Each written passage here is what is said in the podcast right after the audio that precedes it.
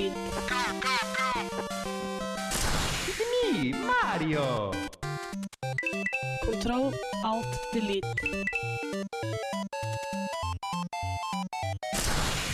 Unable to comply.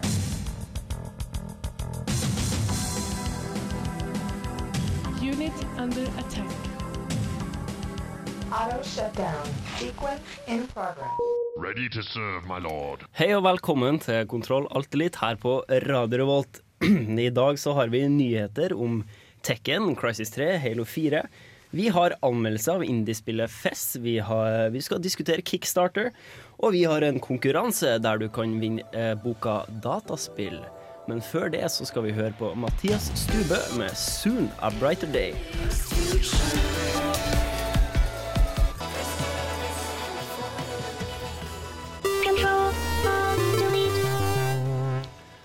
Der var vi. Kontroll Alt Elite er på lufta i dag som i forrige uke, og uka før der, eh, som alltid. Eh, Jeg heter Hallgeir Buhaug, og med meg i studio så har jeg som vanlig Bård Estad. Hallois. Jeg har òg med meg Tor Larsen Sekse God dag igjen. og Mikkel Strømstad. Halla. Vi har alltid en liten sånn eh, powwow her. Vi bruker å si hva vi har drevet på med sist uke, hva har vi spilt for noe interessant, og da kan vi begynne med sistemann i sted. Mikkel, hva har du gjort? Mm, nei. Eh, Jeg sitter og godter meg litt nå, eh, og ikke fordi jeg fikk i dag morges en invite til Dota 2. Det er nye Mobaen à la Defense of the Ancients, Heroes and Euros, League of Legends, um, The My God, Monday Night Combat etc. eh, til Valve. Det er Icefrog som har lagd Dota, som er med på å utvikler, og så fikk jeg en beta-invite i dag, så hva jeg gjør her, det kan man lure på. Men det er moro, det er det. Tor?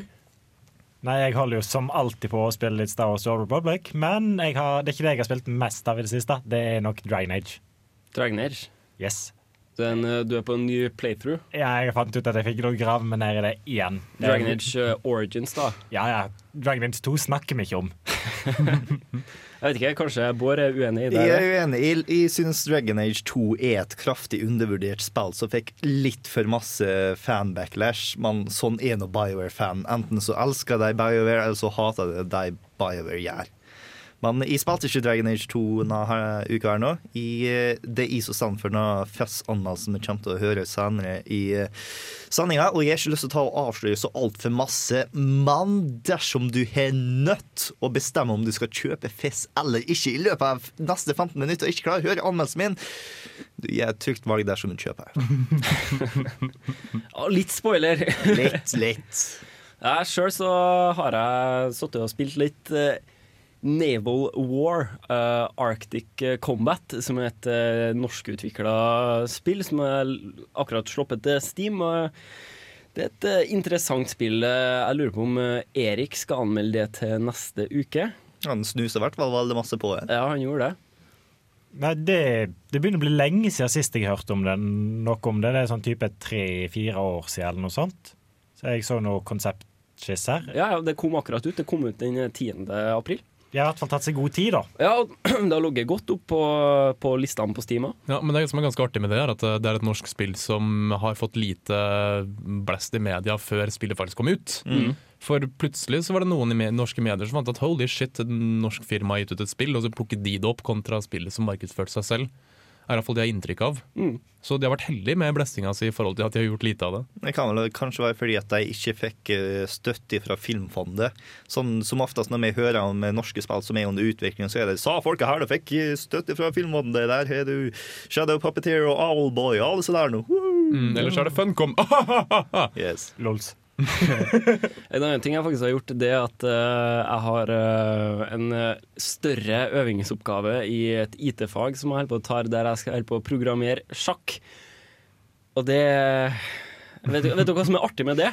Det er at den, den enheten som tar desidert lengst til å programmere, er bonden. Ha.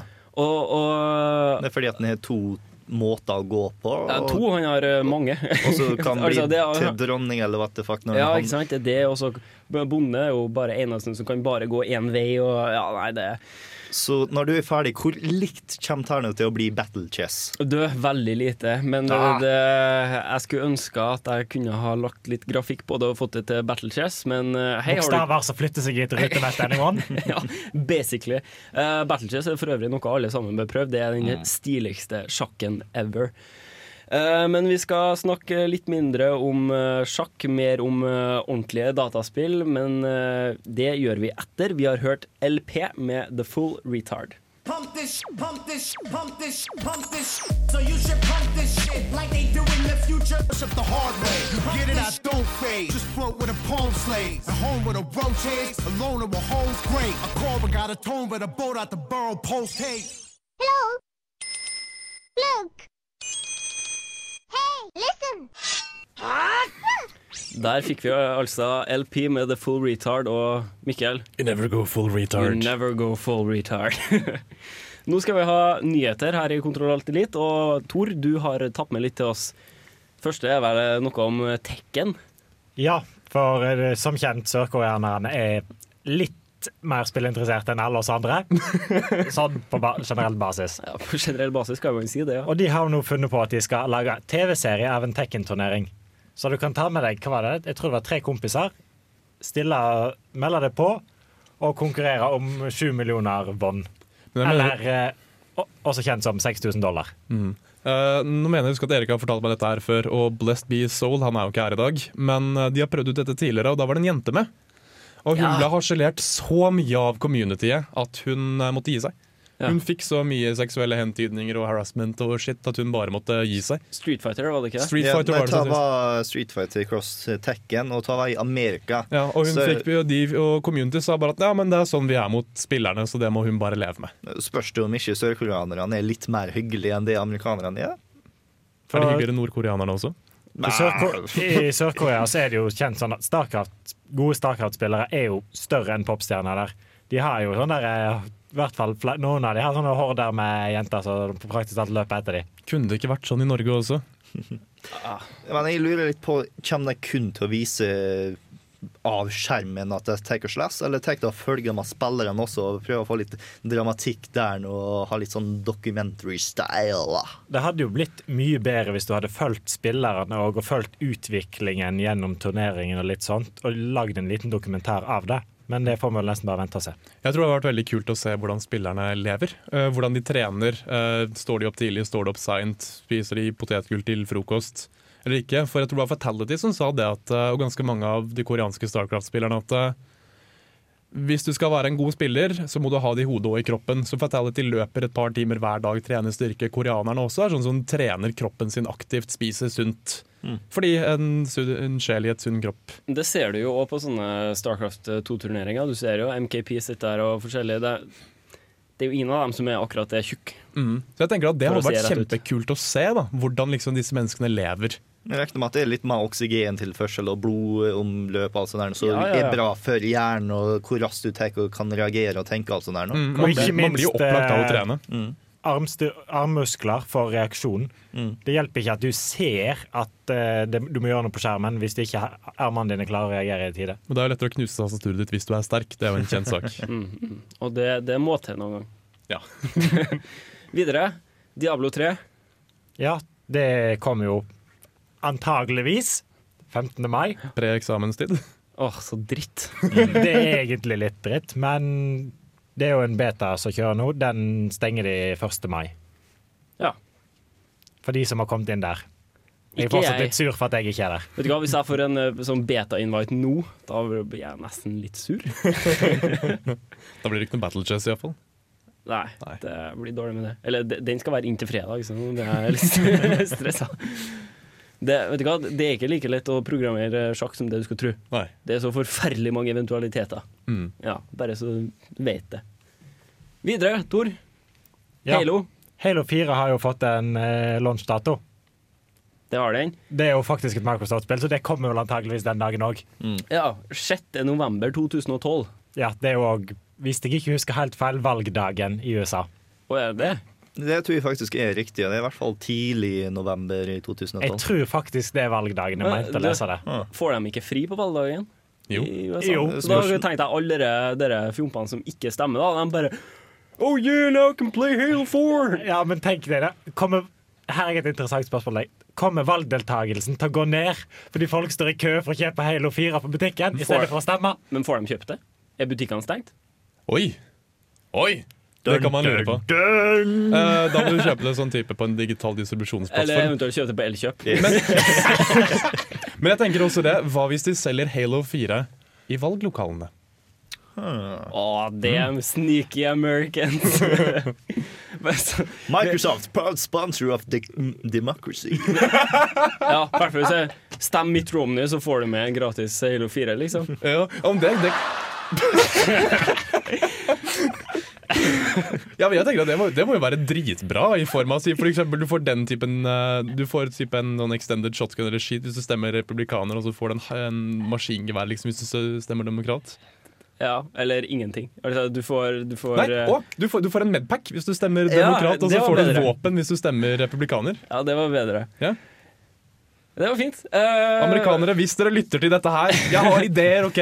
Hør på markedsstrategien til Mikkel. Eh, vi skal ha mer nyheter, men uh, vi skal òg høre en låt. Det er Mac DeMarco med I'm a Man.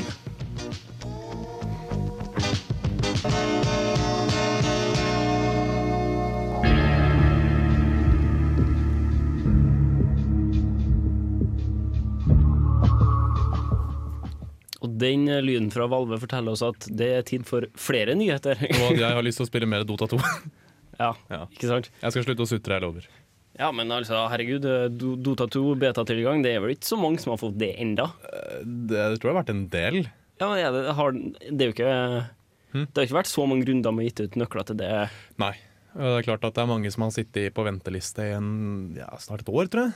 Så kommer du og bare Osj, nå skal jeg ha med Dota 2. Ja. Jeg har sittet på venteliste en god stund, jeg også. altså. Ja, ja. Yes, yes. Men uh, Crisis 3 er annonsert, Tor. Ja, eh, det kom ble annonsert her denne uka, og eh, det blir igjen satt i New York, men ikke den New York vi kjenner. Nei, for at det, det her er- det er snakk om litt mer sånn overgrown Ja. New York. I, hvis jeg ikke husker helt feil, så var det satt opp sånn at de har bygd noen sånne svære nanodomes over New York. Jeg tror det var de Cell Corporation-folka som hadde gjort det. Og så er det blitt litt jungeltendenser der inne. Så du har vel egentlig New York og jungel blanda, så det blir jo settinger for Mass for Crisis 1 og Crisis 2 miksa til 1. Ja, vi satt jo og diskuterte i sted og fant ut at uh, Crisis 1 var sterk på sine områder, Crisis 2 var sterk på sine områder, men hvis de på en måte hadde merga sine styrker, så kan det bli veldig bra, og derfor tror i hvert fall jeg at Crisis 3 har potensial til å bli et ekstremt bra spill. Ja, og spesielt hvis de klarer å få litt mer flyt i bevegelsen. Si de tar litt av eh, bevegelsessystemet fra Mirror's Edge, sånn at du får litt freerunning i den byen òg. Mer kan hoppe og klatre litt. Mm, mm. Ja, for altså du, som, som jeg sa i min anmeldelse av Crisis 2 øh, Når det var, det var vel halvår siden, eller noe sånt, så sa jeg at du er Supermann, men du føler deg ikke som Supermann på grunn av at det blir så narrow. Mm, det var jo noe problem med eneren også, i den forstand at uh, du døde fort. Uh, du kunne løpe fort, men det var den eneste mobiliteten du hadde. Ikke kunne du klatre, hoppe, sprette, henge ting. Ingenting. Og så føler du deg så klumpete. Du er liksom en svær Du er jo praktisk talt en tank. Men de- Men du har den movement-moden din. Den skulle blitt litt bedre. Du skulle fått litt mer fart, litt mer løping og hopping og klatring. Hadde du kunnet løpe oppover en vegg en gang iblant, liksom, tror jeg det hadde vært, hadde vært perfekt. Ja, så si for eksempel at øh, du springer jævlig fort, springer øh, ti skritt opp en vegg, og så tar du et skikkelig hopp derfra, og så kan du liksom havne 100 meter bak deg, ikke sant?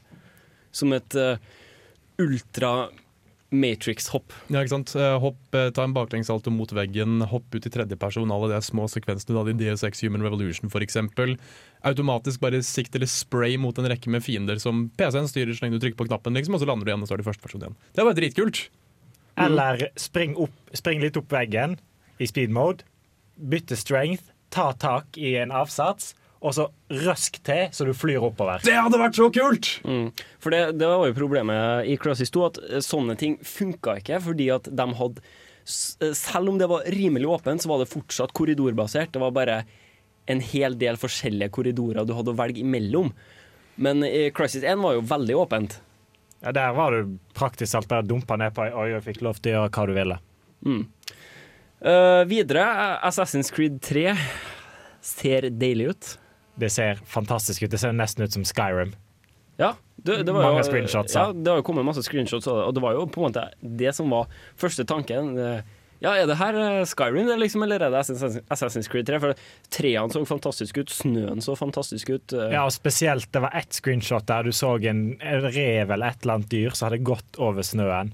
Og du så liksom skikkelig tydelige fotspor og Nå må jeg nesten ta og påpeke at det å ta et bra screenshot er kunst. Det er ikke som kunst, det er faktisk kunst. Fordi at det er jævlig vanskelig å ta og posisjonere seg og time alt sammen godt og tilrettelagt inne i et spill. Så det er veldig mange spill som ikke klarte å sorte seg sjøl. Fordi at de har bare tatt uh, print screen på en eller annen tidspunkt Ja, i sånn helt spillet. sånn random eh, Ja. screens, og så liksom sitter du og blærer gjennom det, og så blir det sånn ja ja, kjedelig, kjedelig, kjedelig, kjedelig, kjedelig, liksom. Ja, men hvis du har noen som virkelig forstår screenshot, så får du det vi har fått noen av Assassin's Creed 3, hvor du har et par stykk som ser utrolig vakre ut. Det er nesten mer som fotografi, som om noen for inn i Assassin's Creed 3 og knipsa et par bilder og bare sendte ut til omverdenen.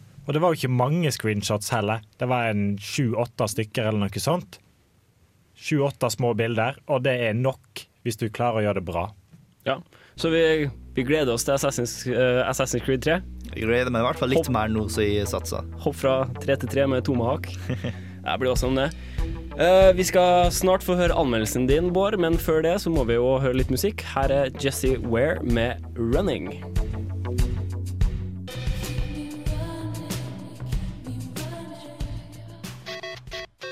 Hei Mario! It's a Mia, ukas anmeldelse. Det stemmer. Vi skal snart få ukas anmeldelse, men før det så har vi fått uh, en kom, uh, komrad til i studio, skal jeg til å si. Are Fjørtoft, hei. Hei, hei, hei. Åssen går det? Det går bra. Uh, vi får høre min anmeldelse av PS Vita-spillet eh, Dungeon Hunter. Altså med det generiske navnet Dungeon Hunter Alliance. Jeg bare liker at de bruker tre veldig sånn standardord eh, for spill, eh, og bare slengte sammen. Så det blir en, eh, det blir en morsom affære, vil jeg tro, når dere hører den anmeldelsen. Det er jo, det er jo sånn type spilltittel som du kan få fra nettsida. Den Eh, random video game generator, ja. Det, nettopp, det er akkurat det. nettopp, nettopp. Det, De det er litt sånn de har sikkert brukt den. Men det er, er imponerende, da, fordi der, der er uh, Dungeon, uh, si, Dungeon Hunter 3 kommer snart ut. Dungeon Hunter 1 og 2 har kommet ut allerede til eh, iPhone og iPads og sånn. Og Dungeon Hunter Alliance er da deres PS3-klone over til PS Vita. Så det, de driver på med veldig mye, da. Og de prøver liksom å kommersiere litt der Dungeon Hunter. Problemet er bare at Dungeon Hunter høres så jævlig kjedelig ut at eh, det blir sånn Ja, ja, det Men, men eh, er det samme gjengen som holdt med Monster Hunter? eh? mm, Det tror ikke jeg. Ikke som jeg kan huske å ha sett i researchen min. Nei. Så de på en måte baserer seg på at de- har en ganske sterk merkevare, men de har egentlig ikke det. De lagde en, eh, en eh, Oregons Trail eh, til Android. Det, det vet jeg de har gjort. Ja ja, Mm. det, de skal nå ha det, da. Men da antar jeg at det er det du har Det- brukt tida di på siste uke òg, da. Det stemmer for så vidt. Bortsett fra det, så er det vel det og LOL.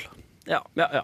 Men uh, vi skal få høre Bård sin anmeldelse av uh, Fess. Er det noe du vil si om den før vi begynner? Ja, det Fess er et indiespill som har nettopp kommet ut på Xbox Live Arcade, og kun Xbox Live Arcade. Så dere som eh, ser her med en PlayStation 3 og har veldig lyst til å spille av spillet her nå, sorry, Mac. Det er- har planer om å få noe på, eh, eh, på Windows, men eh, andre plattformer får de vente og se, om man tror de kommer til å få det til etter hvert, fordi at ta spillet har solgt ganske bra.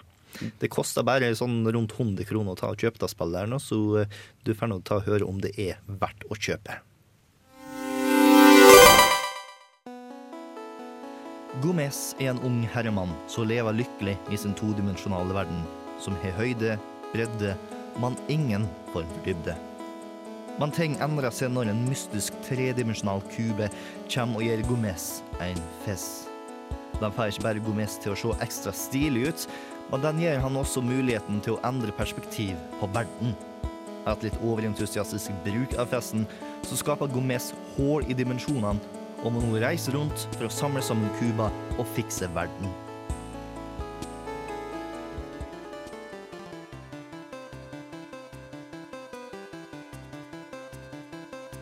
Lydmessig og visuelt så kjærer Fess fullt ut en retroestetikk. Den er heldigvis polert og original, og føles derfor ikke som en utdatert blåkopi, men heller som en nostalgisk tilbakeblikk. Denne nostalgien gjenspeiles i historien, som er typisk NES-æra-spill. Med unntak av scenen i starten og små detaljer i miljøet som hinter til en større mytologi, så er historien så å si ikke-eksisterende. Men det er greit, for i Fest så er gameplayet stjernen. Fess gir det muligheten til å se på en todimensjonal verden uten dybde fra fire forskjellige perspektiv, så gir det muligheten til et ironisk nok dypt gameplay. For eksempel så kan du ta og se på en brei og høy vegg fra den ene perspektivet, og så tar du og snur perspektiv, og da er veggen tynn og høy og har andre ting på seg. Dersom det er et tre som er langt vekk fra det ene perspektivet, så kommer det masse nærmere på det andre, som du kan ta og bruke til å hoppe bedre på. Dersom det er hull i veggen på to sider, så med litt endring av perspektiv, så får du egentlig dør, så du kan ta og gå sett fra en annen plass. Så du kunne ikke gjort det. Eh. Er ikke et enkelt spill å forklare, men det er også spillets styrke. For denne leken med perspektiv er egentlig en opplevelse du kun kan få gjennom spill, takket være dens audiovisuelle natur og interaktivitet. Den enkleste måten jeg egentlig kan forklare Fess på, er at Fess er til rom, slik Braid er til tid. Og akkurat som med Braid, så vil gameplayet utfordre virkelighetsoppfatninga di.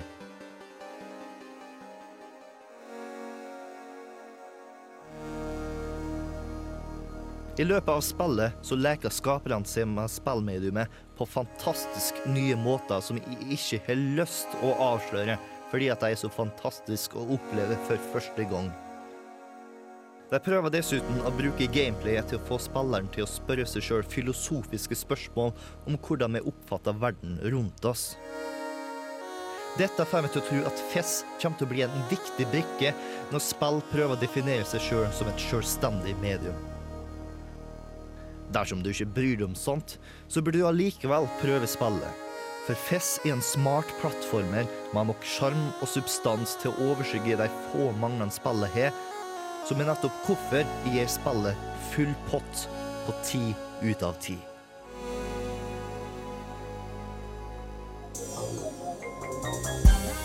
GMC trucks with the extended cab.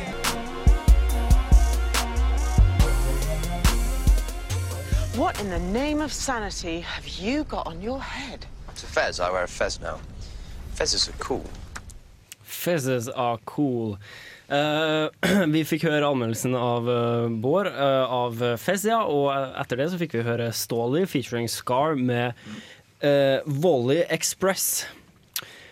Du likte, du likte Fez. Yes, jeg syns det var pretty good. Men uh, altså, det heter fess. Han Mm. fikk en Fez. Uh, vi snakker om type sånn marokkansk marokkansk Ja, det er en sånn rød, hatt. rund hatt, flat på toppen, med en sånn dusk, som er ja, marokkansk, sånn typisk eh, litt Midtøsten der, da. Ja. Ja, OK. Uh, og det, det får han til å skifte litt eh, perspektiv på ting, bokstavelig talt. Yes. Det, det er sånn fesser fungerer, det, vet du. Ja, ja. Eh, jeg har aldri hatt med en, så jeg skal ikke si noe om det.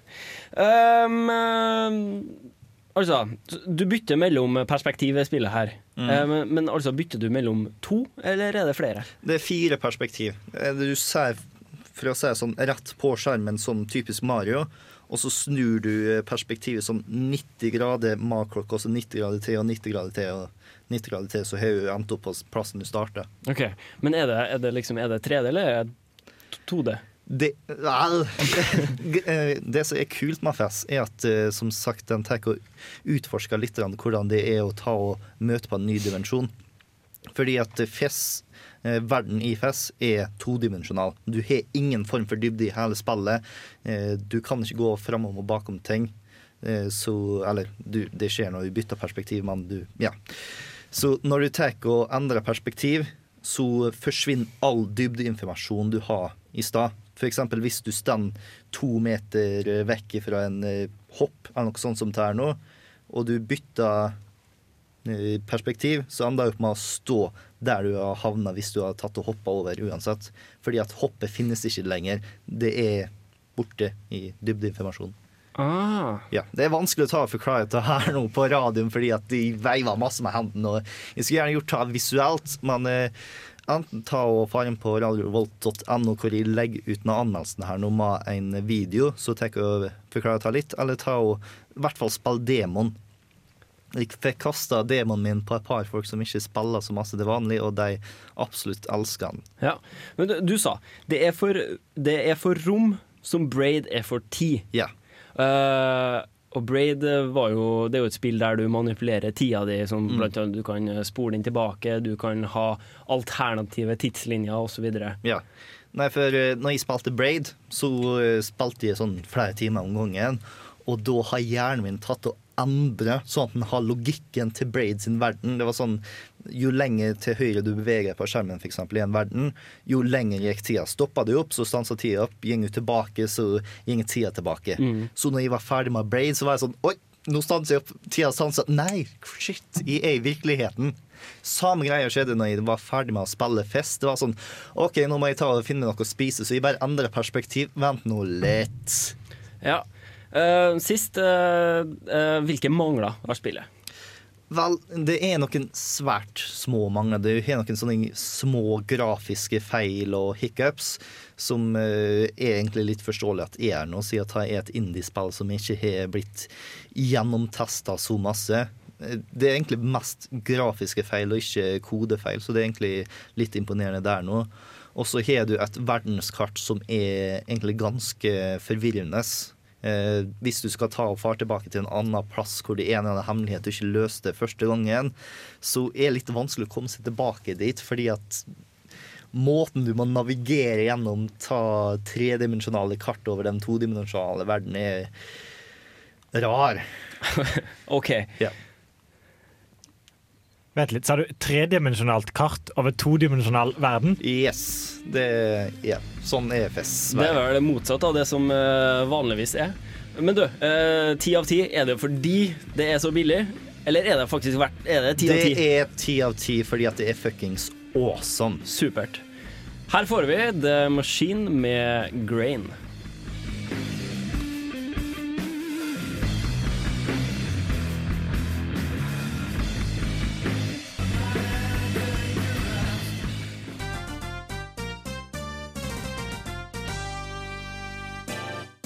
Har du spørsmål, utfordringer, ting du føler vi bør ta tak i, eller noe helt annet du vil spørre oss om, da kan du sende mail til nerd1radiorevolt.no.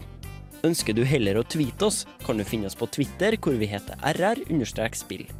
Du finner oss også så klart på Facebook. Radio Revolt presenterer Kontroll Alt Elite. Der legger vi ut nyhetsoppdateringer, konkurranser og så klart masse enkel nerdehumor. Det var altså e-mail nerd.radiorevolt.no, Twitter rr-spill og Facebook Radio Revolt presenterer Kontroll Alt Elite. Vi høres neste onsdag.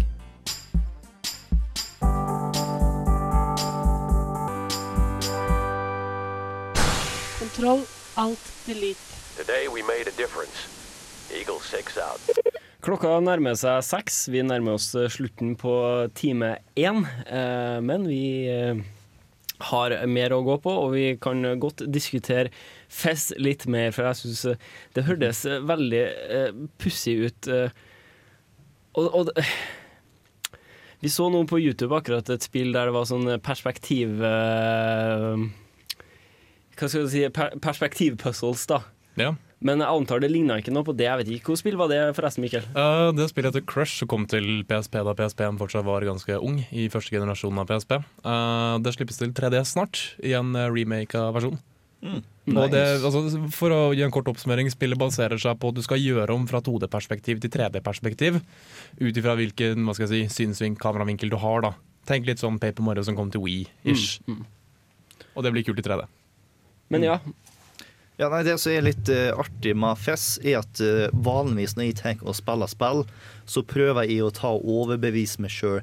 Ta spillet her nå en tier, og så må jeg prøve å ta og Eller ja, jeg skulle ta og snakke smart, men jeg glemte det. Du må, du må overbevise deg sjøl om noe annet. Eller, Nei, men jeg prøver, å, jeg prøver å overbevise meg sjøl at ta spillet her nå er verdt en tier. Og så sier jeg alle disse faktorene her nå trekker litt ned. Men med FES så prøvde jeg å overbevise meg sjøl at det ikke var verdt en tier. Og jeg klarte ikke, fordi at FES var slikt et godt spill som var så godt gjennomført. Ja, men det har ikke historie. Ja, men det trenger ikke historie. Ja, men det har så små mangler der nå. De er ikke viktige, sa manglene der nå. Det var, det var et spill jeg ikke kunne gi et annet karakter til enn en tier. Ja, ja. Eh, Det er litt sånn motsatt eh, strategi av hva jeg bruker når jeg Mhm. anmelder spill. Jeg, jeg, skal ikke eh, gå noe videre mye inn på det, men jeg, jeg, jeg starter på karakteren seks. Mm.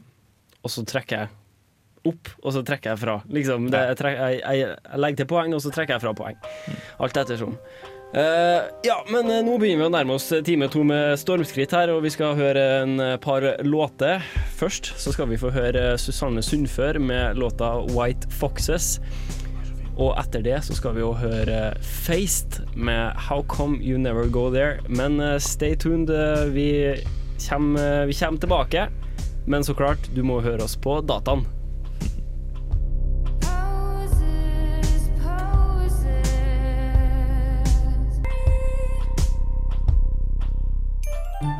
So this is Richard Wise. This is Alan Moore. I'm James Randi, and you're listening to Unillustrated Science. Det har irritert oss før. Mitt navn er Overskyet ateist. Ja, nei, kjekt å vite. Ja. Kulledøden. Det er feil, du. There's just a weirdness. Science, it works, bitches. Populærvitenskap i Uillustrert vitenskap på Radio Revolt. Og som podkast hver torsdag klokken fire. How come I'm so alone?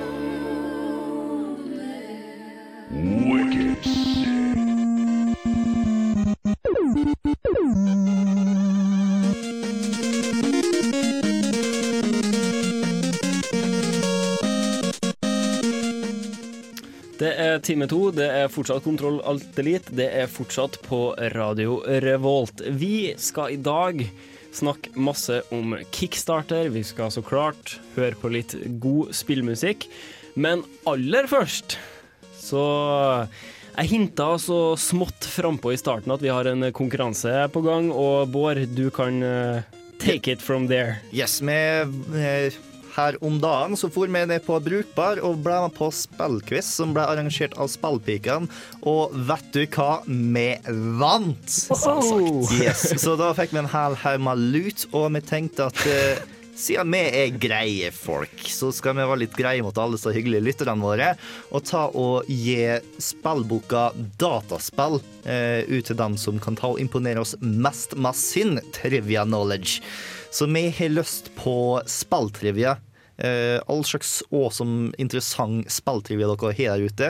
Vi tar til og med å godta falsk spilltrivia dersom du klarer å gjøre det både morsomt og helt klart at det er falskt, sånn at vi ikke tar og fer om til å tenke at uh, Gabe Newell egentlig har lyst til at eh, Half-Life 1 skulle ta og være turn-based RPG. Og for å lage falsk spilltrivia, så er det én mann som er fantastisk fin å basere det rundt. Det var kjære, alles kjære Peter Molyneux. Ah, yes. For eksempel. Bare, bare se eh, E3-konferansene hans, der han presenteres presenterer et spill for første gang. Og så kan du se på hvor mye han endrer spillet sitt før det faktisk er ferdig. Så kan du bare ta utgangspunkt i at det som faktisk han sier første gang han presenterer det, er eh, sant. Da får du masse, masse rar trivia. Her har du et helt ekte i Sverige, helt ekte spilltrivia om Peter Molyneux. I den originale Black and White så ble gorillaen designa med en penis. Det var noen som har jobben å modellere en penis på gorillaen, som etter hvert ble fjerna. Det var den liksom mest meningsløse jobben eh, ever. Du liksom sånn sitter her og Først så ser du på 30 timer Animal Planet for å finne ut faktisk hvordan en ordentlig gorillapenis skal se ut. Og hvordan den skal bevege seg. Ja, ikke sant? Liksom, liksom, hvordan ser det ut når en gorilla slåss? Nei, altså Egentlig så begynner det med at du, du sitter der og så er det jo game med graphic designer, og så eh, spiller du solitaire og sånn, kjeder deg, så plutselig kommer Peter Molyneux inn i rommet og så bare sier Adam, Adam, we need a gorilla penis. Can you take the job? Han bare I'm on it, boss! Fordi han er så vant med at Pilden Molyneux kommer inn og foreslår masse rare ting. Ja, og, og, så det han egentlig gjorde, han bare tegna concept art. Han tegna en gorilla med penis.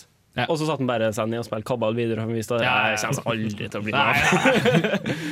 Så hvis du har noe sånn trivia som kan enten ta og underholde oss, eller gjøre oss bedre gamere som vet mer og kan holde det over folk, så tar du og sender det inn på nerd at radiorevolt.no. Og husk at du ikke trenger å bare sende én, kan så mange du vil, men hvis du sender sånn 100 bokstavelig talt trivia, så kommer vi ikke til å Da blir du blokka. Ja, da Havner du i spamfilteret. Da kjeder vi oss etter sånn 20 stykker, og så har vi gullbiten inn på slutten som aldri blir lest fordi at vi er late. Ja. Men du skal få lov til å sende eh, basically så mange du vil, egentlig. Ja. Jeg tviler på at noen som gidder å sende 100. Um, Jeg, jeg tror det er noen som sier det bare sånn Challenge accepted! Apropos kontroll alt elite og eh, spilltrivia og spillquiz. Mm -hmm. Neste spillquiz, som eh, Den er det jo vi som skal arrangere. Eh, vi, har ikke, eh, vi har vel ikke satt noen eksakt dato for det ennå. Nei, men eh, det blir ikke så lange tider, det. Det blir ikke så lange, lange tida, nei, så det, det er Det var- å Det var litt alla det at vi briljerte så mye at uh, det var liksom det eneste naturlige valget. At hvem er det som skal ha neste quiz, mon tro? Er vi bare bare leksikonet på hjørnet, liksom. yes, yes. Eh, men jeg sa jeg lova også ut at vi skal høre på en eh, del digg spillmusikk eh, i timen her, så det skal vi helt klart gjøre. We are going to have to act if we want to live in a different world. Affirmative. Kontroll, alt, delete gir deg musikk for gamere. Initializing now. Kontroll, alt. Yes, spillmusikk på Kontroll Alt Elite. Og den aller første vi skal høre, det er en, en god låt fra et spill som står mang en eh, gamer sitt eh, nertegjær? Ja. Hjertet nær. I har tre nerter på kroppen min, skal vi se. Og Lost Vikings er nær hver eneste en av dem. Eh, ta her nå er fra den egyptiske verden i Lost Vikings, og av at jeg spilte så masse Lost Vikings da jeg var liten, så var jeg alltid sånn musikken jeg hørte når det var et eller annet egyptisk som skjedde på TV eller noe sånt som der nå.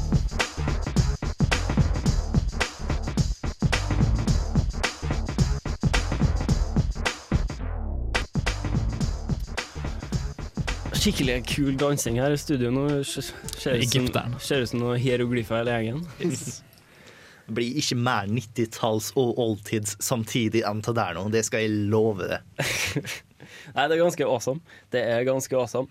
Uh, men det vi skal snakke om i dag, det er Kickstarter. Uh, og for dem som ikke vet det, Kickstarter eh, det er en uh, organisasjon eh, som har en eh, nettside, kickstarter.com, som uh, det går an å sjekke ut nå for dem som uh, lurer. Der, det, er The, det the noe- crowdfunding er vel helt så fint. det, Crowdfunding. det er jo et system der man har en idé, og så, så forteller man om den ideen til folk, og så kan folk betale penger for at den ideen skal bli realisert. Eh, mot en uh, for eksempel en plakat. Ikke sant? Eh, Og så har jeg nødt til å ta og nå det målet som er satt, for hvis ikke det målet blir nådd, så får alle som ga penger, pengene tilbake. Mm. Og vi har jo sett en del uh, suksessfulle kickstarter-prosjekter som, som uh, har nettopp blitt gjennomført. Vi har Double Fine, Double, selvfølgelig. Double Fine Adventure, som eh, det, er vel, det er vel ingen som vet hva det egentlig kommer til å handle om ennå. Nei, jeg visste ikke det sjøl da jeg begynte en gang bare sånn Vi har lyst til å lage point and click! Elsk oss! Ja, altså for å si det sånn, når, når Team Shafer sier Hei, jeg har lyst til å lage et sånn, eh, et sånn point and click, et sånt som jeg laga for eh, 15 år siden, liksom da bare Ja, da får du penger. Mm. Uh, Shut up and take my money. ja, ikke sant? Uh, og så har du òg Wasteland eh, 2, Mm. uh, som er et kickstarter-prosjekt. De har jo fått inn eh, eh, tre millioner dollar. Uh, Les- Les- Leisure Shoot Larry Leisure Shoot Larry har tatt og blitt uh, fanda nå for å få en remake av den originale Lounge Lizards. Nice. Eh, ja, det er mange prosjekt, og jeg anbefaler alle sammen å sjekke ut kickstarter.com. Uh, man kan se på alle prosjektene, og man trenger ikke å betale noen penger. Og man, eh, men det er gjerne sånn at eh, hvis du betaler 10 dollar for eksempel, i et prosjekt, så får du gjerne en digital kopi Mm. av, et, eh, av det spillet når det er ferdig. Og det er jo mange av dere spillene der som, eh, som ser skikkelig bra ut. Og eh, betaler sånn 10 000 dollar, så blir du sendt bort til studioet og får middag og eh, håndhilse på hele gjengen og se skikkelig på spillet mens det blir laget. Eh, Den eh, 10 000 dollar-prisen til Double Fine Adventure var jo en lunsj med Tim Shafer. Og spille bowling med dem. Ja, altså Kom igjen! Dersom jeg skulle hatt en sånn eh, fancy dinner med alle historiske folk jeg har lyst til å få meg med Tim Shafer har sittet på det bordet definitivt, for den karen er bare artig og interessant. Men nå lanserte du et interessant konsept, Bård. Hvem andre hadde sittet på det bordet? Ah, Hideo Kojima, i hvert fall, hvis vi skal holde oss innenfor ta spill. George Lucas har vært interessant og har fått med seg, og Peter Molyneux. Ja, Nå- sa? nå- Peter Molyneux, gi ham et ark og penn og papir. Egentlig s- sa fire folka der nå, du har så utrolig mange crazy ideer at wow. Men ville du satt Peter Molyneux, George Lucas og Tim Shafer med samme bord? Mahideo Hideo Kojima? Ja, ja, ja. Også hvis du slenger med Gabe Newell. Ikke hvis du må betale for middagen hans. Nei. Yes, yes, yes. Uh, men det er altså det vi skal snakke uh, om i time to. Uh, men Kickstarter, altså. Ikke ta fantasi ja, kickstarter. Men eh, før, før det til og med så har vi en, enda en anmeldelse. En anmeldelse signert Are Fjørtoft. Jeg tror rett og slett vi bare setter i gang med den.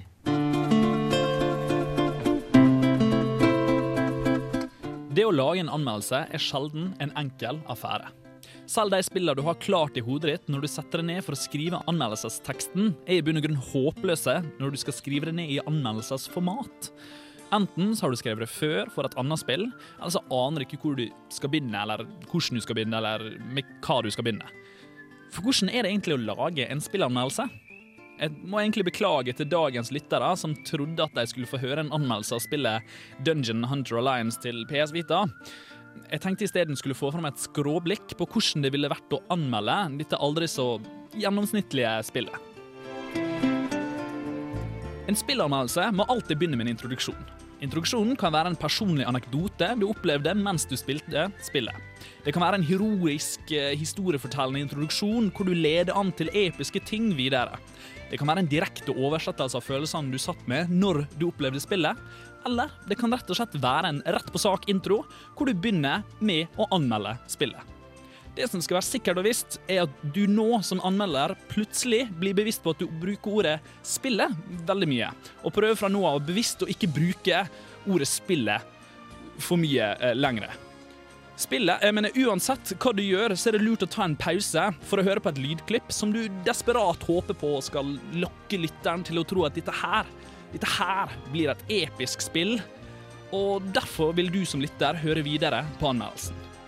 For us, the storm is past. The war is over.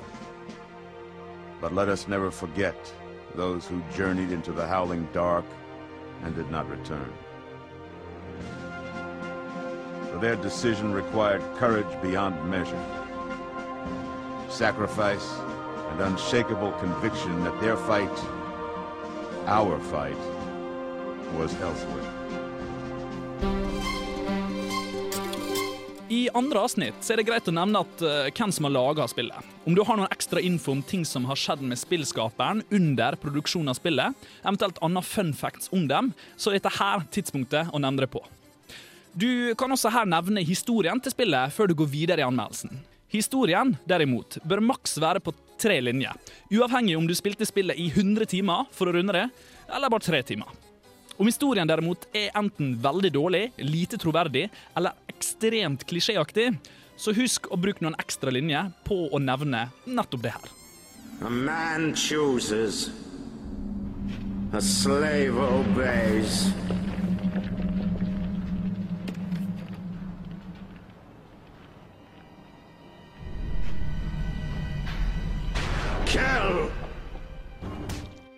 Lydklipp nummer to er der mest for å bryte opp historiedelen og gameplay-grafikkdelen. Om gameplayet var bra og grafikken så som så, så åpner det med at gameplayet er strålende til tross for at grafikken er middelmådig. Nevn gjerne at du forventer mer av grafikken i dagens grafikkstandard. Om grafikken er nydelig derimot, mens gameplayet ræva, så åpner du med at det er et av de peneste spillene du har spilt på lenge, men at selve gameplayet var oppbrukt, eh, forutsigbart og i bunn og grunn dørgende kjedelig. Husk å nevne at du er lei av spill som ikke har noe nevneverdig gameplay. Kjør gjerne en sammenligning av dette spillet mot et spill som ble laga før 1999. I dette avsnittet så bør du også passe på å ikke bruke for mange fremmedord, da det kan skremme uerfarne lyttere. Men pass på å ikke bruke for mange norskoversettelser av fremmedord, da teksten fort kan bli plutselig forandra til noe som høres ut som en nynorsk versjon av en islandsk eh, kongesaga. Ord som gameplay, first person shooter, eh, real-time strategy, XP, level up, multiplayer og coop er håpløse ord å oversette. Bruk derfor gjerne noen ekstra setninger på å forklare hva du mente, eh, selv om en gjennomsnittlig gamer skjønte det for fem setninger siden. Husk forresten nå å avslutte med en punchline eh, om du har en angående gameplay eller grafikken i spillet. Det vil komme to punchlines til i denne anmeldelsen her. When at last he returned to the home he had fought so hard to protect, he was cast out, exiled. In confronting that which they feared, he had become something else in their eyes, and no longer their champion. Etter lydklipp tre fra spillet, så har vi så å si gått tom for gode lydklipp å bruke. Forhåpentligvis så har du fått med deg en episk eller morsom replikk som eh, også har klart å vekke din interesse. Om du har vært ekstra flink som lytter, så har du kanskje lagt merke til at hver lydklipp ofte er nøye plassert, slik at de har relevanse med avsnittet som kommer rett etter lydklippet. Eh, om du ikke har lagt merke til dette, her, så ta det med ro. Vi brukte bare tre timer på å finne tre perfekte lydklipp fra et spill med lydspor på over seks timer. Sammenhengende lydspor. Men altså, null stress. Du har uansett heller kanskje ikke lagt merke til den fantastiske bakgrunnsmusikken som vi nøye har valgt ut fra spillet og matchet med den stemningen vi har satt i anmeldelsen. Uansett så er det nettopp slike ting som skal nevnes i avsnitt tre av en anmeldelse. Rett og slett fordi eh, vi peker ut eh, noe vi la merke til som ikke kan relateres til enten historien av spillet, noe produsenten av spillet har eh, gjort, gameplayet eller grafikken. Spillet, jeg mener, eh, Det siste lydklippet er ment å representere slutten av en anmeldelse, og er ofte basert på en typisk avslutningssetning henta fra spillet.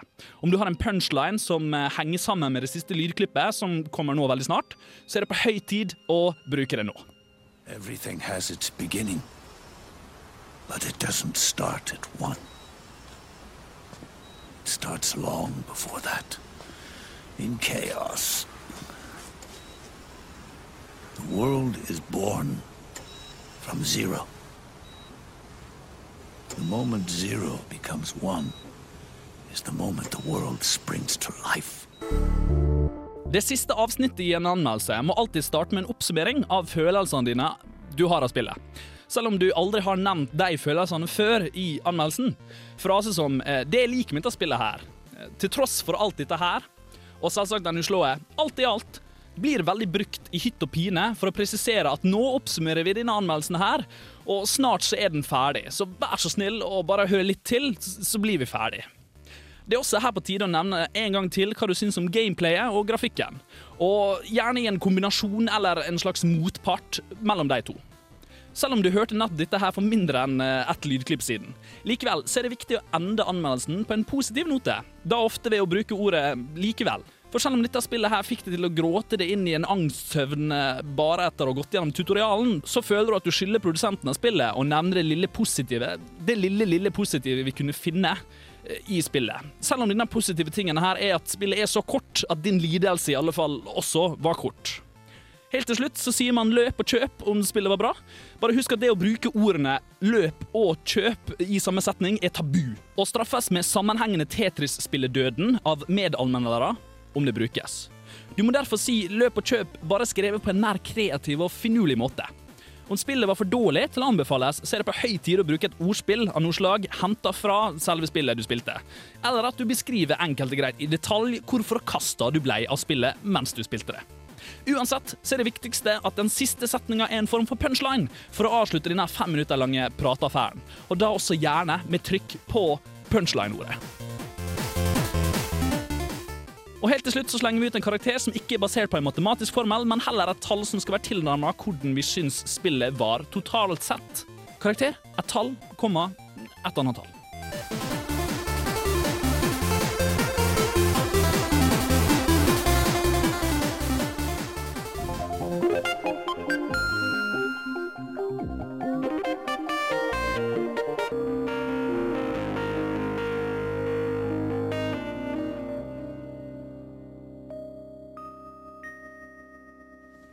Der fikk vi uh, Sequence uh, OST med Stay Crunchy. Og før det så fikk vi en uh, Vi fikk ikke anmeldelse av uh, Dungeon Nei, Hunter ble- Alliance. Jeg fikk veldig lyst til å spille Dungeon Hunter Alliance. jeg. jeg, jeg ble litt lura. Jeg ble litt lura. Jeg hadde I was under the impression that I was going to get a review of this game. Eh, Men jeg, jeg tror alle bare må spørre Are her. Are, er dette faktisk et spill? Ja, det er faktisk et spill, og det er ikke kødd engang. Det er det jeg har spilt uh, i løpet av forrige uke. Problemet med at det spillet jeg bestemte meg for å anmelde, er jo et, en remake av et PS3-spill. Altså PS3 er sånn network game. Det er, ikke et, det er ikke gitt ut på et CD engang. Er, for det første så er det gitt ut på PS Vita for tre måneder siden, og for det andre så ble det originalt gitt ut i 2011. Og så. Det var liksom sånn Jeg vet hva. Jeg merker det at jeg må gjøre et lite oppgjør med meg sjøl. Jeg må rydde opp litt. og kanskje heller For jeg likte så godt den eh, Fez-anmeldelsen til Bård, for der brøyt han med dogmen. Da. Altså, han brøyt med normen for å lage en anmeldelse. Og det er akkurat det jeg vil kanskje arrestere meg sjøl på, at jeg gjør dette her altfor ofte. og, og da ble det til slutt at når jeg tenkte mer og mer på det, så ble det litt komisk at uh, ja, det er akkurat sånn det er. Uh, og da lagde jeg sånn uh, jeg, har, jeg er veldig stor fan av Skråblikk på Tippeligaen, hvor de lager en sånn, eh, fan, sånn fantasiversjon av hvordan Tippeligaen 2012 kom til å bli. Eh, og, og det å bruke skråblikk på anmeldelse, som da den egentlige tittelen på denne her, ja, ranten, eh, anekdoten, eh, er en liten Rett og slett. Kåseri. Kåseri fra Mm. meg, da. Det er et skråblikk på hvordan det er å lage en, en anmeldelse. Ja, eh, og vi følte oss veldig truffet her i studio. Vi har gjort det der før. Ja, og jeg følte meg spesielt truffet av det du sa. eh, at uh, du bruker time på time på time med, med å se gjennom eh, gameplay-videoer, til å høre gjennom OST, ikke sant? for å finne den perfekte musikken, for å finne de perfekte lydklippene, sette dem på de perfekte punktene. Du bruker en time bare på å flytte lydklippet to millisekunder framover, to millisekunder bakover. Ah, det passer bedre her. Ah, jeg skal flytte faden tre millisekunder til venstre, liksom. Sånne ting. Og så, men så anmelder du bare et helt middelmådig spill som det er ingen som bryr seg om. Nå må selvfølgelig jeg som plateanmelder eh, steppe inn her og si det at eh, Hei! Vi i musikkredaksjonen slipper dette, for du tar tilfeldig del av første låta, og så skrur du den opp, og så skrur du den ned og bruker resten som bakgrunnslyd. Tilfeldig låt sånn cirka mellom tre og fem-seks et sted. Skru lyden opp, bruk som intro. Skru ned, bruk som bakgrunnsmusikk. Gjør det samme til du ikke har flere låter igjen. Ja. Og så var det spesielt uh, artig Tidsbruk ti minutter. Ja. og så, jeg syns også spesielt artig det var det der du, når du snakka om eh, at man eh, må passe seg for å bruke de norske ordene. Ja, Ikke sant? Eh, og så samtidig, jeg eh, personlig, når jeg anmelder spill, eh, så er jeg veldig på den at jeg prøver å unngå å bruke altfor mye engelske ord òg. For jeg syns det er så unødvendig å bruke altfor masse engelsk. Så det blir mye sånn uh, spillmekanikk i stedet for gameplay. Og, Flerspillermodus. Ja, flerspillermodus. Det er ordet jeg er glad i. Ikke sant? Det å høre så fryktelig kunstig ut, så. Så, så det, det er en vanskelig eh, linje vi prøver å balansere for lytterne sine sin litt sånn fornøyelse, da. Så eh, vi håper at dere får et lite innblikk av hvordan det er, eh, selv om det kanskje ikke det helt, er ikke det helt realistisk. Som sagt, Bård hadde gjort det kjempegøy med sin eh, med anmeldelse i sted, og det, det er akkurat sånn vi egentlig har lyst til å bli. Men av og til så arresterer vi oss sjøl i å bli litt generisk. Ja, for vi er jo tross alt studentradioen her i, her i Kontroll Alt Elite, og det er, vi er kanskje ikke så egentlig så formelle som det de er i enkelte andre anmelder hva skal jeg si, medier. Nei, og, og jeg som har jobba her så lenge som jeg har gjort i Kontroll litt, jeg eh, hørte litt kjapt gjennom mine gamle anmeldelser, og absolutt, jeg burde arrestert meg sjøl mye før. Hvor mange år er det nå for de lytterne som ikke har fulgt med så hardt? Eh, Jeg har jobba i, i radioen siden høsten 2006, i Kontroll Elite siden våren 2007. Så hva det blir fem? Fem år? Godt år. på den tida. Ja, ikke sant? Det er et godt år for å være begynnelsen spiller Ja, det, da har vi noe på en måte å se opp til, jeg og Bård, som har Yes. vært her nå i ett år. Vi er på, ja, et vi er på det tredje semesteret. Mm. Så vi skal slå highscoren din. Nice. Ja, vi får nå så. Jeg får nå se. Jeg, jeg reiser nå i hvert fall eh, og blir vekk et år nå til sommeren. Og Are, du reiser nå permanent. Til Fredrikstad, ja. Så jeg blir jo hørende på det. Jeg blir lyttere jeg nå, da. Og da skal jeg sitte og arrestere dere. Og hver gang jeg hører denne her eh, malen som jeg nettopp eh, gjorde narr av nå, så skal jeg sende en liten lydfil på gmail til dere og bare minne dere på det. Det er bra. Det er bra. Ehm, nå skal vi på en måte egentlig ta tak i den diskusjonen som vi har på en måte lova så lenge at vi skal ta tak i. Men eh, jeg tenkte at først så skal vi bare, for å få et litt sånn naturlig brudd i det hele, så kan vi høre på eh, en låt av eh, Disaster Piece. Eh, og du kan forklare litt om den låta, Bård. Ja, eh, greia er at når jeg spilte gjennom Fess, så likte jeg virkelig musikken der nå. Og eh, fant ut at det er en kar som lagde all musikken, og det er en chiptunes-artist som heter Disaster Piece. Det er peace som i fred, og ikke som i piece of pie. Og alt sammen i ett ord, så du vet han er sær nok til å lage god musikk. Og eh, jeg lette litt gjennom hva annet han har laga, og fant tak i denne godbiten her nå som heter St. Valentine. Det stemmer, og, og det, det her var jo litt interessant, for det, Ja. den var liksom en Jazz, hiphop. Jazz, hiphop, chiptune. Uh, Følg med, det er her var stilig.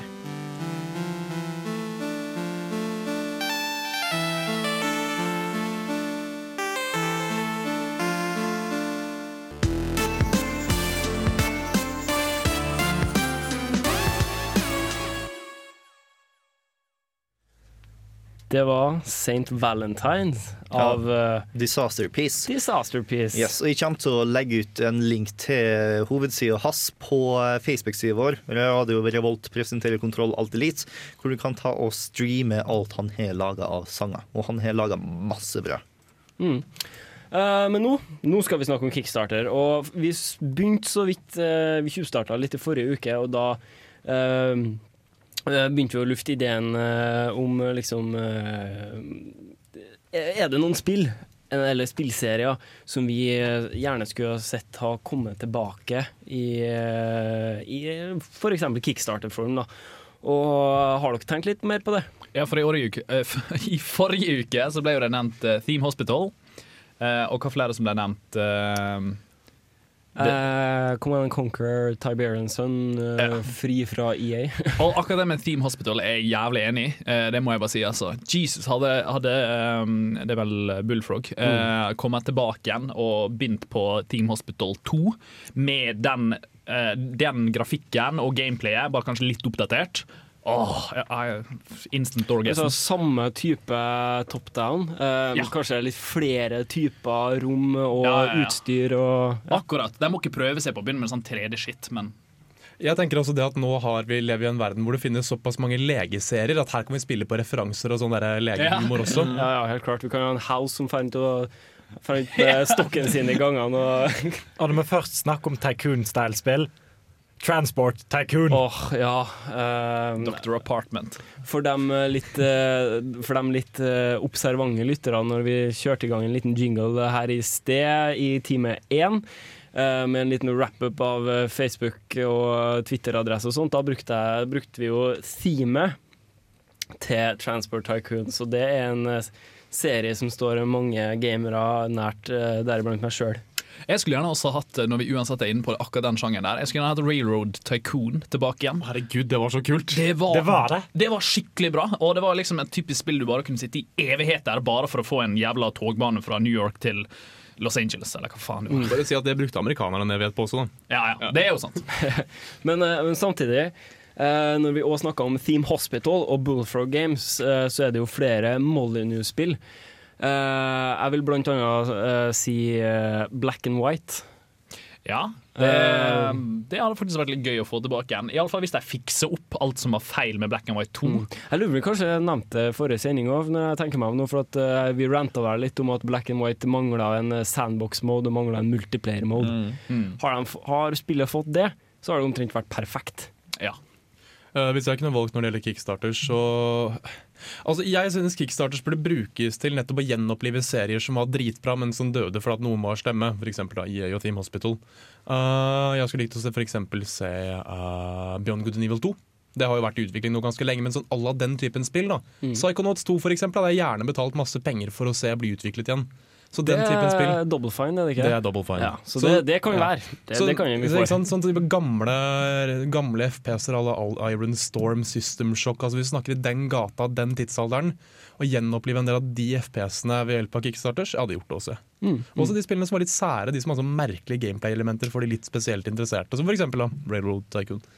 Mm. Hadde jeg kickstarta som faen. Jeg har et spill som jeg har lyst til å få tilbake, som faktisk ikke er noe spesielt gammelt, og det er Ace Attorney-serien. Fordi at uh, Ace Attorney Investigations 2 Miles Edgeworth et eller annet kom ut i Japan i februar 2011, og i, utenfor Japan never. Det er fordi Ah. at eh, Capcom følte at de ikke kunne ta og sjanse på at nok folk tok og kjøpte opp eh, spillet sånn at de fikk dekke kostnadene. Fordi at eh, Phoenix Wright-serien har noe av den beste oversettelsen fra japansk ever. Det er. Ja, og det koster penger. Så eh, jeg håper på at gjennom Kickstarter så kan eh, de få vist interesse nok for spillet til at jeg kan ta og få det samt ut. Nå har Bård sagt masse ting som jeg syns er kjempefint at han Mm. sier, for da kan jeg prate litt igjen. Uh, Mother-serien, også kjent som Earthbound, alt etter hvor du kommer fra, hvor du spilte den. Uh, fan... Uh, Fan-translaten om det siste spillet kom for ikke veldig lenge siden. Uh, det er helt klart et marked for det, men Nintendo sier at nei, det har vi ikke noe marked for i Vesten. En kickstarter hvor folk donerer penger, bitchlapper uh, Nintendo litt rundt omkring, eller hvem det nå er. Det er vel Hal er det vel som eier de rettighetene, tror jeg. Kanskje. Hal Laboratories er Mm. de som har lagd Mother Earthbound-serien. Uh, fordi jeg tenker at Kickstarting er en fin måte å vise på at vi har et marked for dette her. Folk er villige til å betale for å lage spill, og så betale for å kjøpe det i tillegg, og det er Det ser man jo også med, med type Wasteland og, og Double Fine uh, Mm. uh, Adventure. Det er jo nettopp det at eh, det er marked for det. Og som med Double Fine Adventure så du det, det er marked for ordentlige adventure pek og klikk-spill ennå. Mm. Ja, og med å ta og bruke Kickstarter så kan du ta og snakke på et språk som investorer og pengefolk faktisk forstår, som er penger. For eksempel, eh, noen av dere husker kanskje Operation Rainfall, eller hva det het, som var en hel haug med amerikanske vi-spillere som har lyst på tre forskjellige japanske rollespill som kom til Europa, men ikke til Amerika. Så jeg sendte inn en hel haug med signaturer og brev og alt mulig rart bare for å si Nintendo, vi har lyst på å spille med òg! Og så eh, kom det en eller annen utgiver og sa du, Nintendo, de har lyst på å spille, vi tar og slenger det ut med. Og så fant jeg ut at jeg har ikke så lyst på å spille likevel, og jeg tjente ikke så masse, så jeg håpte på. Mm, og for igjen for å snakke Mothers uh, sak da, og spill som er blitt uh, fansubba, fantransdata, som sannsynligvis Ace Attorney-serien kommer til å bli. Um, oppdater grafikken. Final Fantasy 4 ble sluppet til DS med en enkel, fin, beskjeden 3D-grafikk. Gjør det samme med Mother, f.eks. Finpuss litt på um, Ace Attorney. La oss gi dere litt penger mot at dere gir oss spillet med penere grafikk og en engelsk oversettelse. Jeg tror folk blir fornøyde. Og nå nevner jo egentlig bare disse her realistiske Kickstarter-prosjektene våre. Altså. Så det å lage nytt Theme Hospital hadde i teorien ikke vært så dyrt, fordi jeg ber deg faktisk lage det med omtrent samme grafikk og samme Mm. vidvinkel og samme gameplay. Eh, men det hadde vært litt gøy å kanskje få, en, få Kickstarter til å skikkelig bli liksom eksplosjonsaktig svært. Og hvor, eh, som Bård eh, sa, det at eh, spillerne sjøl, eller brukerne av spillet, sjøl kan demonstrere og vise til investorene hvor stort eller hvor mye de har lyst på de pengene her. Bare ett scenario. Se for deg at Game Newell sa OK, uh, jeg gir ut uh, Half-Life 3 i januar 2013 hvis jeg får så og så mye på kickstart. Eh, Kickstarter eksploderte. Det hadde krasja. Kickstarter Mm. hadde krasja fordi folk hadde sagt 'shut up and take my life's savings'. Ja. Eh, det er ikke. College fund, I don't need that. Og, og ikke nok med det, det kan også eh, sprite opp sånne gamle ideer som vi har hatt her i Kontroll Elite Hello, Hallo, Final Fantasy 7 med bedre grafikk og Mm. oppdatert HD-versjon. Mirror's Edge 2. Ja, Mirror's Edge 2. Det er liksom Det er store prosjektet også. Per dags dato så hadde nok Kickstarter ikke vært Det er ikke helt medium eller det er ikke helt stedet for sånne type ting å oppfordre til det, men det er lov å drømme. Uh, nå er vi inne på dette her med større spillselskaper og spill vi håper på at kommer snart. Half-Life 3 er definitivt under utvikling, og jeg er redd for at enkelte firmaer skal begynne å misbruke dette her. Mm. At et uh, lite selskap med en enorm aktør bak seg skal komme og si at vi trenger penger fordi at eh, EA, og nå er folk litt glad i å bruke EA som eksempel, nekter å gi oss penger. Uh, og det blir en pengesparingsmetode, at man begynner å rulle på spillernes kroner i stedet for at man tør å ta ordentlige sjanser og investere i gode ideer. Men det kan jo føre til at gode ideer blir investert på, og at sa folka som tar og betaler i kickstarter, får allerede spillet sitt, så bla, bla, bla. Mm. Men vel var nok penger. Ja, ehm, men uh, vi skal fortsette diskusjonen, men vi skal også høre mer musikk. Uh, akkurat nå så skal vi få høre Big Giant Circles med uh, låta 'Thunderstruck', som er Legend of Zelda Ocarina of Time. OST, så klart. Men det er en OC-remix av den OST.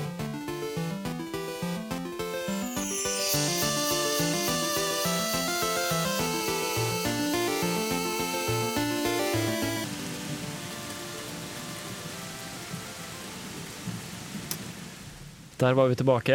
Eh, Den låta her er jo eh, basert på Song of Storms. Det var det, var det jeg glemte å si før, eh, før den begynte. Det, jeg fikk et lite hjerneteppe. Du, spørsmål. Heter det hjerneteppe eller heter det jernteppe når det er noe du glemmer? Jernteppe er noe helt annet. Ja, nettopp. Men jerneteppe er jo egentlig ingenting. Jernteppe? Jo, altså, Hjerne- jernteppe er jo Jernteppe er jo Ja, jeg bruker å si jernteppe om det, men det er jo Det kommer jo fra jernteppet. Ja. Jeg bruker å si jernteppe. Ja, ikke sant? Så jeg, jeg hører Men å, jern, å ha jernteppe over et land er jo å shut out all communication. Nettopp. Så den delen av hjernen som burde snakke med den delen av hjernen som faktisk snakker, snakker ikke sammen. Men det er derfor man sier jernteppe, for at det er en pønn. For, for de som tar refer referansen, så er det jo 'shut down everything'. Vi har én som tok den. Jeg tok den ikke. Jeg sier bare Madagaskar, så skjønner alle. Madagaskar? Ja, det holder. Filmen? De, de, som, er, nei, nei, nei. de som skjønner det, de skjønner det. Ja, jeg skjønner ikke. Det, det er spillrelevant. OK, OK. Uh, det er en del spill uh, i de siste årene som har trådd litt i feil retning. Uh, de har kanskje blitt kjøpt opp av et større spillselskap og har kanskje tenkt litt for mye på profitt. Eh, eller kanskje de rett og slett bare har misforstått hva serien handler om når de har utvikla videre. Jeg kan ta noen raske eksempler. Vi har Command Conquer-serien, som ble kjøpt opp av EA, av Westwood. eh, Eller EA kjøpte Westwood, da. Vi har eh, Heroes of Might and Magic. eh, 3DO ble kjøpt opp av Ubisoft. Eh, vi har eh, Rainbow Six. Ja. bare for å nevne noen. Eh, er det noen spill dere ser for dere som kan eh, finne på å ta denne retningen, eller som har tatt eh, feil skritt i, eller tatt skritt i feil retning, eh, som dere skulle ønske kanskje heller hadde eh, fått økonomisk backing av en kickstarter-modell, fordi det hadde på en måte kunne latt spillet være det det er. Kirosoft. jeg bare legger det ut der, for jeg er- dritredd for at Kirosoft, skaperne av mine favoritt-Android-mobilspill, eh, blant annet eh, Game Dev Story og eh, Little Race Car Story og eh, alt bla, bla, bla story, eh, blir kjøpt opp av et stort et som f.eks. Nankom Bandai og, og, eller Nintendo eller noe lignende, og så blir det masseprodusert, og så begynner de å lage denne jævla eh, Du får spille gratis, men eh, skal du ha en ekstra bil, eller skal du ha en ekstra bygning, eller skal du ha en ekstra person? Jeg er dritredd for at det skjer med Kirosoft. Eller Jeg Kairosoft, unnskyld. Jeg må bringe inn et veldig usannsynlig eksempel her, og det er The Legend of Zelda The Wind Waker. Uh, The Legend of Zelda The Wind Waker ble sluppet for tidlig. De fjernet en del innhold. Shigeru Miyamoto sa minst et par, altså et par templer, som vil si minst to, uh, pga. tidspress. Jeg ser for meg at den hva skal jeg si, Hadde de ikke vært under Nintendo, hadde de hatt litt friere hender og friere tøyler i forhold til en utgiver. Flere templer, lengre spill. Mm, mm. Er det noen andre som har uh, Age of Empires uh, Ja. tapte seg litt etter toeren og Mythology. Så det har vært fint å sett noen ta og lage en i stilen av Age of Empires. Snakker du om Age of Empires 2 eller Age of Mythology? Begge to. OK. Da det er klart. For det er etter de to det plutselig begynte å falle. Ja, eh, Age Kraftig. of Empires 3 bare sånn yeah, yeah, yeah. Og så, som du påpekte med Age of Empires Online, så var ikke det noe å eh, rope Nei. hurra for det heller. Ja, for kanskje Det- Age of er Empires. Online er jo et spill som virker som det er veldig profitt. Det er laga for Ja. profitt. Ja, og, og, og når det, det, liksom, det skinner gjennom av at uh, går du to steg, så må du putte på en 20-er. så det er liksom Det blir ekkelt. Og når vi tar og snakker om Age of Empires, så vant vi et par eh, Age of Empires Collections. så vi har tenkt å ta og spille Age of Empires 2 mot hverandre. Så hvis du sitter der nå ute med en Age of Empires 2 og har- lyst å spille med noen, så send oss en mail på nerd.radiorevolt.no, kanskje du kan ta og bli med i slaget vårt. Mm. Åtte versus åtte, bare just laying it out there. jeg er sykt noob, så You will be the first to fall. No worries. Det, det går bra. Bare mur du inne, og så bare bygger du sånn trebuchet. Du, holder- du overlever i evigheter. OK. ok Ikke lenge nok. Nei. nei, nei, men Age of Empires 101. Um, hva var det jeg tenkte på nå? Jo, er det noen flere som har sånne eksempler? Eh, Jeg har et eksempel, og det er eh, Tales of Monkey Island. Du syns jeg ikke var et godt spill. Jeg synes ærlig talt at der burde eh, de som rett og slett sto bak dette her, altså Gilbert uh, Schaefer, gjort det selv. Uh, holdt seg unna alt mulig rart av folk som uh, ser ned i papirene deres. Og ja, tatt seg tida til det. Det ble helt feil egentlig fra og med fireren, men Tales of Monkey Island ble bare feil på alle mulige måter. Kan jeg slenge at, eh, inn at uh, Sam Max-remaken var egentlig ikke noe imponerende heller. Det var um, Jeg syns det var et forsøk på å gjøre det bra, men snubla litt i sine egne bein og bygde det opp litt for mye for seg sjøl. Um, det er sånn typisk spill som kunne ha blitt briljant uten å så lenge ikke det hadde fått den evige store oppbyggingen som den fikk. Mm. Ja, jeg, jeg er delvis eh, enig med Tales of Monkey Island. Jeg syns det var et artig spill. Det synes Jeg Jeg kosa meg når jeg spilte gjennom det. Eh, men det største problemet jeg har med det, det er at det var ikke veldig Monkey Island-aktig. Ikke det hele Eh, tatt. Hele filen forsvant, liksom. Du hadde samme personene. Men med skjegg! Ja. ja. Threepwood, Det hvor, had- hvor fikk han skjegget fra? Det hadde han i Monka Island 2 òg, hadde han ikke? Det var faktisk å se. Ja, han hadde og kan jeg bare si det at jeg, jeg, jeg syns han skifta litt sånn personlighet. Ja. Fra å være en litt sånn ja, carefree person som uh, tusler rundt og har det liksom Han er en litt sånn situasjonskomedie, men i den siste her, sånn, Tales of Island, så prøver han å skape situasjonskomedien sjøl. han blir litt sånn dårlig versjon av Seinfeld. Altså, En annen ting jeg reagerer litt på, liksom, at det er jo folk som eh, dør i et Monkey Island-spill. Det går ikke. Nei, hva i all verden? Det går an å dø i Monkey, det første Monkey Island-spillet, så Ja, ja. jeg vet det går, det går an, men det er ikke noe liksom som Det er ikke kanonisk. Nei, og det har ikke noe storymessig å si.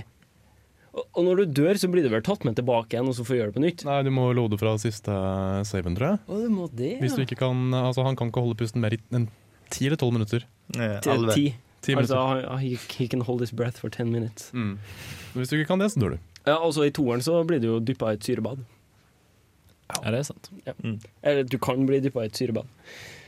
Hvis man vil. Uh, eh, men vi lar den, uh, den diskusjonen der ligge, og så kan vi gå over på eh, Kickstarter i seg sjøl, sånn som det er nå. Har dere vært noe særlig innpå der? Jeg har tatt og titta på litt av kart. Ja. Og jeg så en veldig interessant en som het uh, Republic Way. Det, det Mm. ser ut som Republic, bare skrevet på en veldig fancy måte. Kanskje Republik? På fransk. Noe sånt, ja. Republik, ja. ja eh, og den så awesome ut, fordi at eh, det er et IOS-spill som prøver å ha nesten PlayStation 3-grafikk. De tar og kjærer all krafta si på eh, karaktermodellene, og så har bakgrunnen statisk, sånn Resident Evil 1-style. Eh, det ga meg et veldig godt poeng her. Eh, hvis vi hadde, jeg hadde oppdaga det at noen prøvde å gi ut Civilization 4 til eh, iPad, og herre Jesus, da hadde jeg brukt pengene mine på det.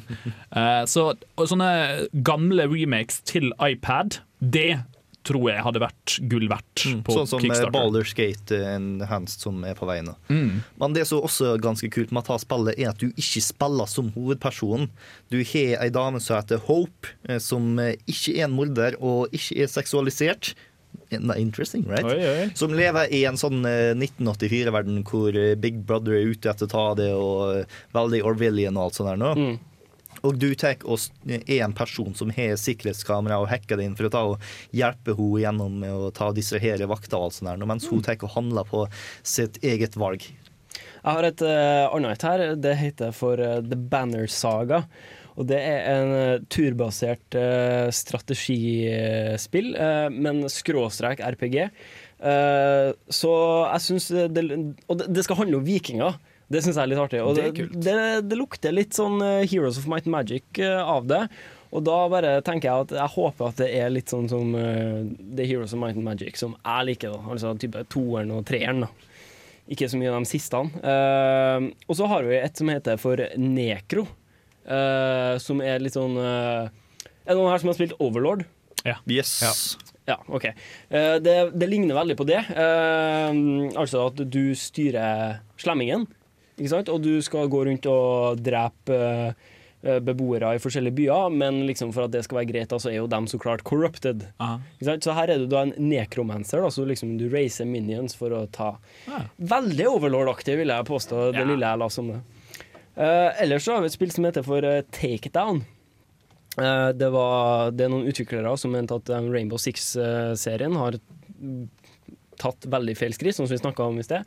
Derfor ønsker jeg meg å lage en eh, Rainbow Six-lignende shooter, en taktisk shooter med flere, flere lagkamerater osv., der de eh, kutter ut de moderne skytespillmekanikkene, bl.a. regenererende helse, som ikke er så veldig mange er glad i. Ja, nei, for Rainbow Six har tatt litt feil måte. Du spiller liksom som elitesoldater og hele den pakken der. Og du har for faen ikke noe jævla regenererende helse! Nei, altså blir du skutt i magen, så er det ikke bare å gjemme seg bak en eh, sandsekk, og så er du fin etter ti sekunder, liksom. En ting jeg har lyst til å ta og nevne før vi går tom for tid, er at uh, en ting som er litt skummelt for Kickstarter, er hvis så store spillene vi snakker om nå, som er på vei, som har fått støtte, ikke tenker å levere. Om de blir middelmådige spill, sånn eh, Double Fine kommer og gjør oss en spill som fortjener en sjuer i stedet for en tier, sånn som Return of the Point and Click, som jeg alle sammen har gitt penger for å få. Eller, Så- eller at Wasteland 2 faktisk er bare for dem som liksom eh, Som syns at Wasteland 1 var det beste spillet i verden, liksom. Ja, så da kan jeg ende at eh, massevis av folk bare sier sånn Nei, jeg tar en risiko når jeg tar og investerer penger i noe, og blir like redd som en same investorene som ikke vil gi folk penger. Jeg tenker også det at de har et enormt press på seg i forhold til det. Fordi hvis folk gir dem penger for å lage et spill og så skal betale for spillet etterpå, og de ikke leverer, så tror jeg ikke folk vil gi dem penger for spillet i det hele tatt. Da Mm. lukter vi eventuell boikott og hat, på samme måte som man har begynt å hate visse spillselskaper nå. Men allikevel, eh, om jeg hadde fått The Day of the Tentacle 2 Åh, jeg, hadde, ja, ja, jeg hadde gjort det all over again for å få en treer, selv om toa sugde. Ja, um, vi eh, Altså, Kontroll Alt Elite denne uka her. Vi er rett og slett ferdig, ferdig for gangen her. Uh, husk konkurransen vår, uh, og uh, om, sjekk ut kickstarter.com for å se om det er noe dere har lyst til å investere i. Eh, takk til tekniker Rune Stana for eminent teknisk kjøring. Her har det ikke vært et eneste problem. Husk konkurransen vi har. Ja. Fun facts. Nei, jo. Uh, trivia, trivia, Trivia, så kan du vinne boken uh, Dataspill. Som er anmeldt av oss. Uh, vi skal si takk for oss. Ha det bra, alle sammen. Ha det. Ha det.